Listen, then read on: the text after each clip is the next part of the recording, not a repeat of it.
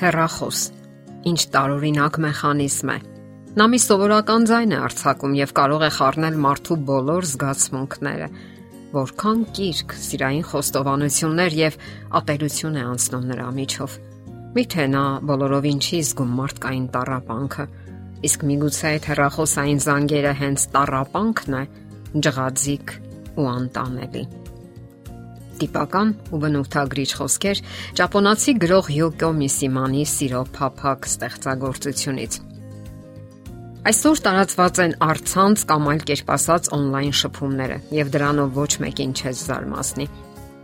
Համացանցը դրական առումով շատ բան է փոխել մարդկային հաղորդակցության շփումների ոլորտում։ Արցանց կարելի է գտնել բազմաթիվ ինտերակցիաներ եւ մտերիմներ։ Կարելի է կյանքի ուղեկից գտնել հնարավոր հեռավոր տարածությունների վրա Սակայն կան երևույթներ, որտեղ համացանցը այնուամենայնիվ ինչ որ բան փչացնում է։ Չնայած այն բանին, որ կապի ժամանակակից տեխնոլոգիաները զգալիորեն թեթևացնում են կյանքը, որոշ դեպքերում դրանք միայն խորացնում են այն հիմնախնդիրները, որոնք արդեն գոյություն ունեն հարաբերություններում կամ նույնիսկ նոր են ստեղծվում։ Ամերիկացի հոկեբան Մարկ Թրևերսը նշում է այն իրավիճակները, երբ թվային սարքերը չարկատակ են խաղում մեր գլխին։ Հավանաբար ձեզ ծանոթ է ֆաբինգ երևույթը։ Սա այն սովորությունն է, երբ մարդն անտեսում է իր արջև գտնվող զրուցակցին, որովհետև ձուլվել է зерքի հեռախոսին։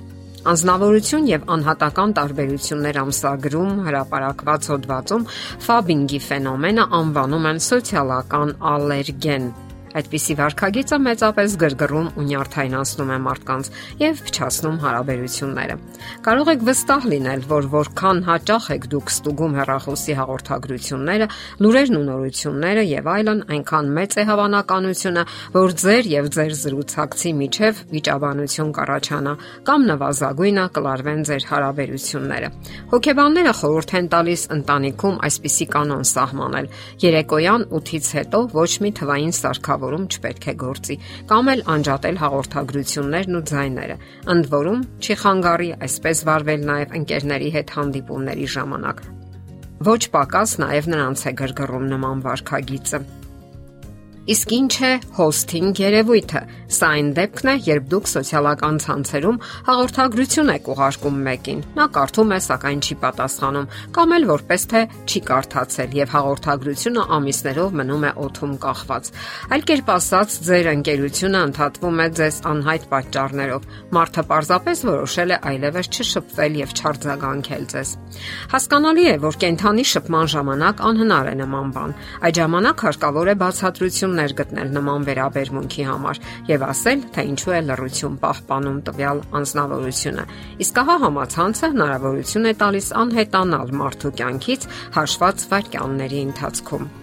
Կալիֆոռնիայի Պոլիտեխնիկական պետական համալսարանի հոկեբան Քեթրին Հոլմսը նախազգուշացնում է, որ հոսթինգի զոհերը շատ ծանր են տանում շփման ավարտը եւ հակված են անընդհատ մտմտալու տվյալ իրավիճակի շուրջ, հասկանալու համար, թե ինչու իրենց հետ այսպես վարվեցին։ Տուժում է ինքնագնահատականը, քանի որ մարդն իրեն մեղադրում է այն բանում, որ իրեն անտեսել են եւ մի կողմ հրել։ Արդյունքում նրա համար բարդ է լինում ապագայում հարաբերություններ հաստատել այլ մարդկանց հետ այն պատճառով, որովհետեւ կարծես սպասում են, որ նման տեսարանները կարող են կրկնել կրկնվել։ Իսկ ինչ կասենք անբարո կայքերից կախվածության մասին։ Մարդկանց մեծ մասը չի էլ շղթում, որ երբեմն դիտում է նման կայքեր կամ գտնվում է նման կայքերում։ Դեռ ավելին հարցումները ցույց են տվել, որ որոշ ամուսիններ եւ զույգեր համատեղ են դիտում նման հոլովակները իրենց ամուսնական կյանքում, այսպես ասած, բազմազանություն մտցնելու համար։ Սակայն Հրատարակված հոդվածներից մեկում նշվում է, որ նման դիտումները կարող են կործանարար ազդեցություն ունենալ մարդու անznավորության եւ ուրիշների հետ ունեցած նրա հարաբերությունների վրա։ Հոկեբան Սթիվեն Սամուտը բացատրում է, երբ մենք ընտելանում ենք մեր ցանկությունները ակնթարթորեն բավարարելուն, դա սկսում է աշխատել մեր դեմ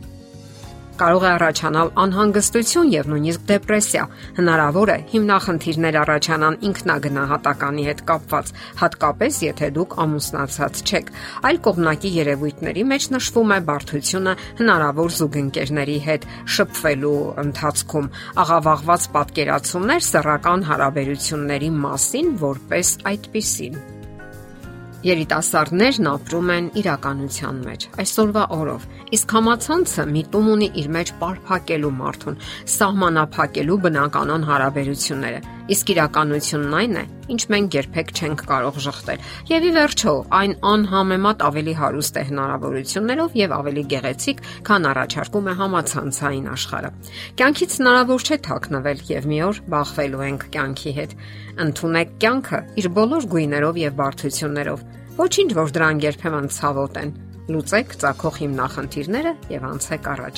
Կյանքն այն է, ինչ մեր շրջապատում է, մարդկային գեղեցիկ ու մի քիչ էլ բարդ հարաբերություններով։ Լինում են իհարկե դժվարություններ, սակայն դրանք միայն սովորեցնում ու դաստիարակում են մեզ։ Դե ինչ, լինենք իրատես։ Եթերում է ճանապարհ երկուսով հաղորդաշարը։ Հարցերի եւ առաջարկությունների համար զանգահարել 033 87 87 87 հեռախոսահամարով։